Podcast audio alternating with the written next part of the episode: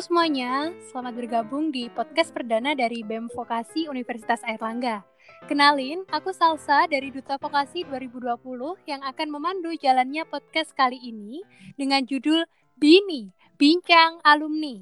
Nah, di episode perdana kita, kita kedatangan seorang narasumber yang kece badai. Dan tentunya beliau ini merupakan alumni kebanggaan dari Fakultas Vokasi Universitas Airlangga. Beliau dulu merupakan duta vokasi putri tahun 2018. Pernah exchange ke Malaysia, penerima beasiswa prestasi, dan masih banyak lagi pengalaman baik di bidang organisasi, seminar, maupun workshop. Dan saat ini, beliau sedang bekerja di Rumah Sakit Bayangkara Tulang Agung. Yuk kita panggil aja ya langsung. Halo, Selamat siang Mbak Diana. Halo, selamat siang. Gimana kabarnya Mbak? Kabarnya alhamdulillah baik. Alhamdulillah. Lagi di Tulungagung? Iya. Oke, Mbak Diana, uh, mungkin untuk awal nih bisa perkenalan dulu dan menyapa para pendengar kita. Oh iya, oke. Okay. Halo Ksatria Elangga, bagaimana nih kabar kalian? Semoga dalam keadaan baik ya. Perkenalkan, aku Diana Intan Krismon, angkatan 2017, lulus di tahun 2020, dan di jurusan D3 Fisioterapi. Oke, jadi dari program studi fisioterapi. Nah, ya. Diana, uh, berbicara soal pendidikan, kenapa sih Mbak Diana kok memilih pendidikan vokasi dan kenapa harus vokasi UNER? Ya, jadi dulu itu uh, aku melihat dari peluang yang ada di Indonesia ya, karena di dunia kerja yang ada di Indonesia ini sangat membutuhkan tenaga praktisi seperti diploma 3 dan diploma 4. Dan yang membedakan antara pendidikan vokasi dengan sarjana itu waktu kuliah 60 persennya itu praktek dan 40 persennya itu teori. Jadi yang membedakan pendidikan vokasi dan sarjana itu di uh, pembagian kurikulumnya dan keuntungannya dari vokasi UNER itu apa aja itu sangat banyak sekali seperti di bidang akademik maupun yang di non akademik. Nah, di vokasi UNER ini sangat memfasilitasi mahasiswanya dalam pengembangan skillnya seperti leadership, bakat, dan lain sebagainya. Dan juga di vokasi UNER ini menjalin kerjasama luar negeri loh seperti student exchange. Dan Alhamdulillah tahun 2019 kemarin uh, aku berkesempatan untuk melakukan student exchange tuh di Malaysia. Nah, buat teman-teman yang punya saudara nih yang masih bingung mau milih jurusan apa, uh, jangan lupa untuk disarani tuh buat daftar di vokasi UNER karena di vokasi UNER ini ada 21 program studi yang dibedakan menjadi tiga departemen. Bisa memilih tuh di kesehatan, apa di teknik, apa di bisnis. Jadi uh, jangan lupa untuk disaranin ya masuk ke vokasi UNER. Oke, jadi uh, pendidikan vokasi ini tuh mencetak mahasiswanya untuk menjadi seorang ahli praktisi ya, Kak? Iya, benar. Dan kalau kita pilih vokasi UNER itu dia uh, fasilitasnya lengkap, banyak kerjasama internasional juga. Nah, Mbak, kalau boleh tahu nih, apa aja sih sebenarnya kegiatan kemahasiswaan yang ada di UNER dan apa aja nih yang kakak ikutin? Jadi kepo nih. Iya, kegiatan yang ada di UNE tuh banyak banget ya, Dek. Ada yang di UKM, HIMA, PEM, dan lain sebagainya. Dan yang aku ikuti itu waktu semester 1 sampai semester 4 itu di himpunan mahasiswa fisioterapi. Terus aku juga mengikuti unit kegiatan mahasiswa tari dan karawitan, lalu mengikuti paguyuban duta vokasi dan mengikuti kepanitiaan yang ada di UNER dan untuk keuntungannya dari semua kegiatan itu yang pasti kita akan menambah pengalaman ya dan tentunya kita akan mempunyai teman yang banyak dan yang terpenting juga kita support UNER agar tetap keren dong yang pastinya. Oke, okay. uh, eh, Mbak kan tadi sempat bilang itu ya ikut dalam duta UNER. Duta UNER apa duta vokasi? Duta vokasi. Oh iya. Nah, di duta vokasi itu gimana nih Mbak perjalanannya kok bisa sampai jadi seorang duta vokasi? Ya, jadi dulu itu awalnya aku mewakili prodi aku dan awalnya itu tidak ada rencana ya. Jadi karena udah uh, diberi kepercayaan, akhirnya aku jalanin tuh segala proses pemilihannya. Karena teman-teman jurusan aku sudah mempercayakan sama aku, jadinya aku lakukan yang terbaik semaksimal mungkin ya. Dan alhamdulillah waktu itu aku mendapat juara satu duta vokasi 2018 Dan dengan menjadi duta vokasi ini tuh banyak banget ya pengalaman yang sudah aku dapat seperti uh, kita bisa menambah skill kita, lalu relasi kita, dan tentunya kita akan bertemu dengan kakak tingkat duta vokasi yang memiliki prestasi dan pengalaman yang luar biasa. Oke, wah mantep banget ya. Udah aktif di berbagai organisasi, kegiatan kemahasiswaan, masih menjadi pemenang dari Duta Vokasi tahun 2018 dan juga sempat mengikuti student exchange. Nah, Mbak kalau boleh tahu nih, kemarin tuh tahun 2019 student exchange ke mana ya Kak? Aku student exchange di University Kebangsaan Malaysia tahun 2019. Oh, ke Malaysia. Nah itu gimana Kak ceritanya nih? Kok bisa sampai menjadi perwakilan untuk mengikuti student exchange? Jadi kalau program yang aku ikuti itu karena adanya MOU dari pihak UNER dengan uh, pihak kampus Malaysia. Jadi kita uh, apa ya macamnya student exchange itu kan macam-macam ya. Ada karena adanya suatu MOU atau karena uh, student exchange itu diprogramkan dari suatu luar negeri yang bisa diikutkan untuk semua mahasiswa yang ada di dunia. Nah, yang aku ikuti itu karena adanya MOU dari pihak kampus UNER dengan Malaysia. Gitu. Oh gitu. Jadi memang udah ada hubungan kerjasama nih ya? Iya benar. Kak, kan mungkin ini banyak juga nih yang pengen ikutan kayak student exchange. Apakah kalau mau ikut student exchange gitu harus punya itu kak? Harus punya pengalaman organisasi, harus aktif lah di kegiatan ini itu dan mungkin harus punya IPK yang tinggi atau gimana? Iya, benar banget. Jadi sebelum kita berangkat student exchange itu kita kan ada seleksinya ya. Yang pasti kita harus memiliki record akademik yang bagus seperti PK kita terus kita juga harus bisa berkomunikasi bahasa Inggris dengan baik dan yang paling penting kita dilihatnya itu aktif di kegiatan yang ada di UNER gitu. Oke. Okay. Nah, kan di UNER ini juga ada beberapa beasiswa yang ditujukan untuk para mahasiswa. Nah, biasanya para mahasiswa ini berlomba-lomba biar bisa lolos seleksi dari beasiswa tersebut.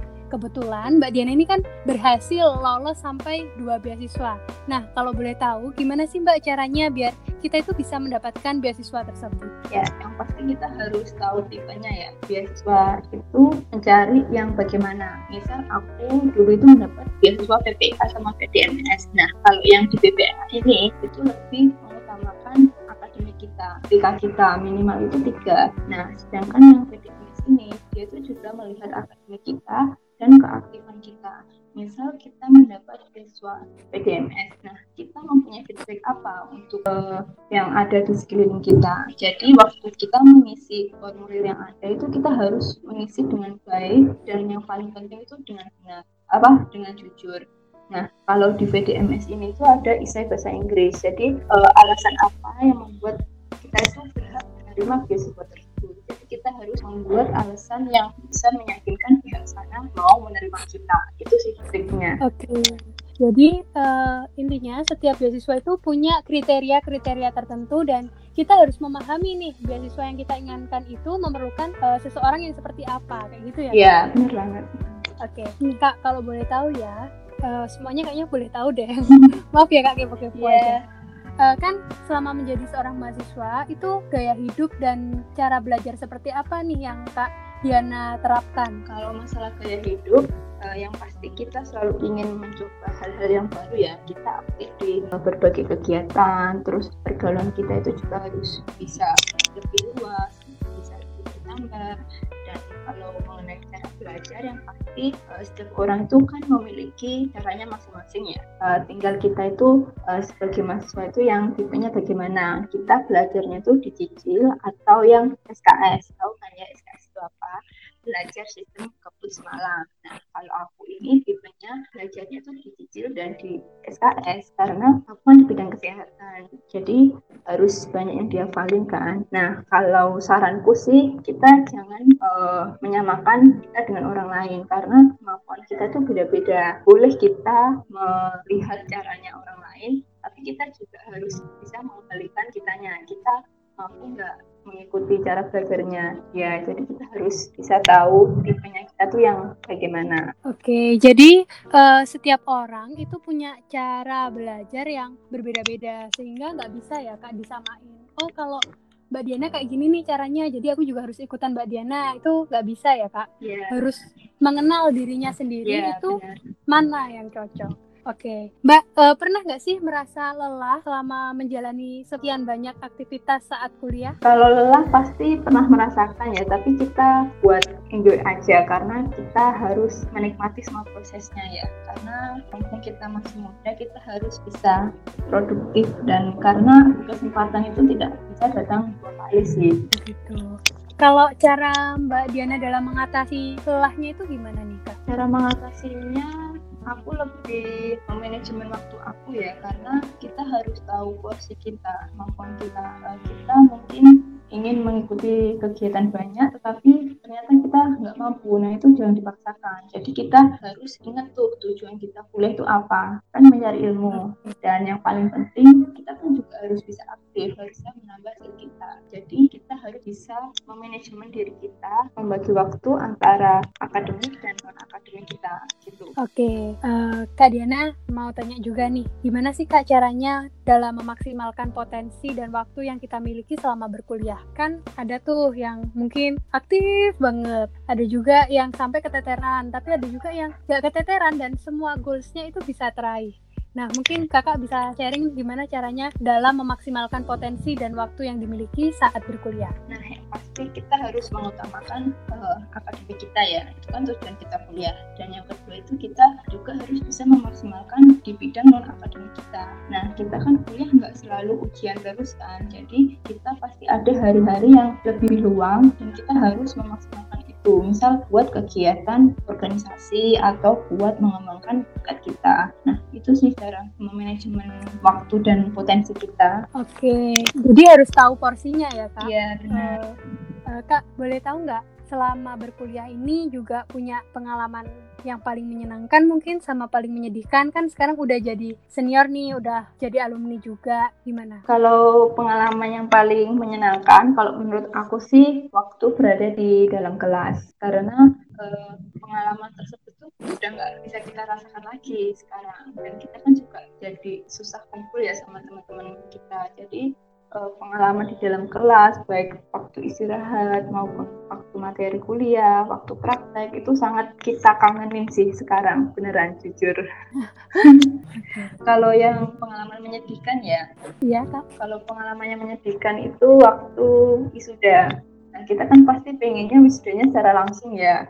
Karena adanya pandemi ini kita terpaksa harus melakukan wisudanya itu secara online. Oh gitu. Oke, jadi sebenarnya momen-momen saat kita berkuliah meskipun itu mungkin ada yang melelahkan, justru itu malah yang paling menjadi kenangan nih kalau udah lulus dari Universitas Airlangga. Iya, Oke, eh, Kak, menurut Kakak sebagai seorang alumni, gimana sih peluang dari lulusan UNER ini bisa bersaing nggak di dalam dunia kerja? bisa banget ya. Karena menurut aku lulusan UNER itu sangat menjanjikan. Karena pada kenyataannya banyak tuh alumni-alumni UNER yang mendapat pekerjaan di instansi yang bagus hingga provinsi.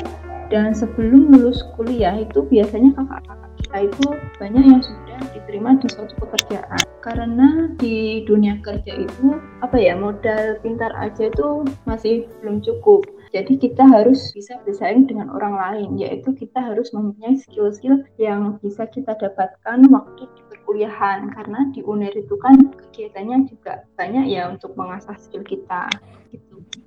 Oke, jadi eh, pada intinya peluang dari lulusan UNER itu cukup luas nih dalam bersaing di dunia kerja karena para mahasiswa tidak hanya dibekali dalam dunia akademik, namun juga non akademik seperti keterampilan-keterampilan lain yang dibutuhkan. Gitu ya, Kak? Iya benar banget karena waktu di dunia kerja itu kita harus bisa berkomunikasi dengan baik sama orang lain itu sih. Oke, nah mungkin nih Kak terakhir ada pesan nggak untuk teman-teman yang saat ini masih duduk di bangku kuliah agar bisa memiliki jenjang studi dan karir yang gemilang? Ya pesannya buat teman-teman harus terus semangat, berusaha, berdoa dan bersyukur. Uh, jangan lupa untuk terus belajar, belajar, dan belajar, dan hargai semua prosesnya. Lakukan yang terbaik demi kamu dan orang-orang yang sekitar kamu. Good luck dan semangat! Wah, mantap banget. Oke, teman-teman. Jadi, vokasi UNER ini merupakan wadah yang tepat untuk teman-teman mengembangkan kemampuan. Karena di vokasi UNER kita bisa menjadi apa aja sesuai dengan yang kita inginkan dan pastinya sejalan dengan passion dan bakat yang kita miliki. Sudah tersedia tenaga pengajar, relasi hingga fasilitas yang lengkap sehingga tinggal kita membawa diri untuk menjaga semangat dan terus belajar untuk menjadi yang lebih baik. Terima kasih Kak Diana sudah menyempatkan hadir dan membagikan pengalamannya di sini. Ya, terima kasih semuanya sudah mau mendengarkan dan semoga bermanfaat ya. Amin, amin. Ilmu yang berasal dari pengalaman adalah harta yang tak ternilai oleh harga. Terima kasih juga teman-teman sudah menjadi pendengar podcast ini. Boleh banget loh kasih saran ke kami. Enaknya setelah ini kita bahas apa lagi ya. Dan kalau kamu suka sama podcast ini, langsung aja like dan share sebanyak-banyaknya. Jangan lupa tag Instagram BEM Vokasi Unai. Terima kasih, sampai jumpa di episode berikutnya. Bye-bye!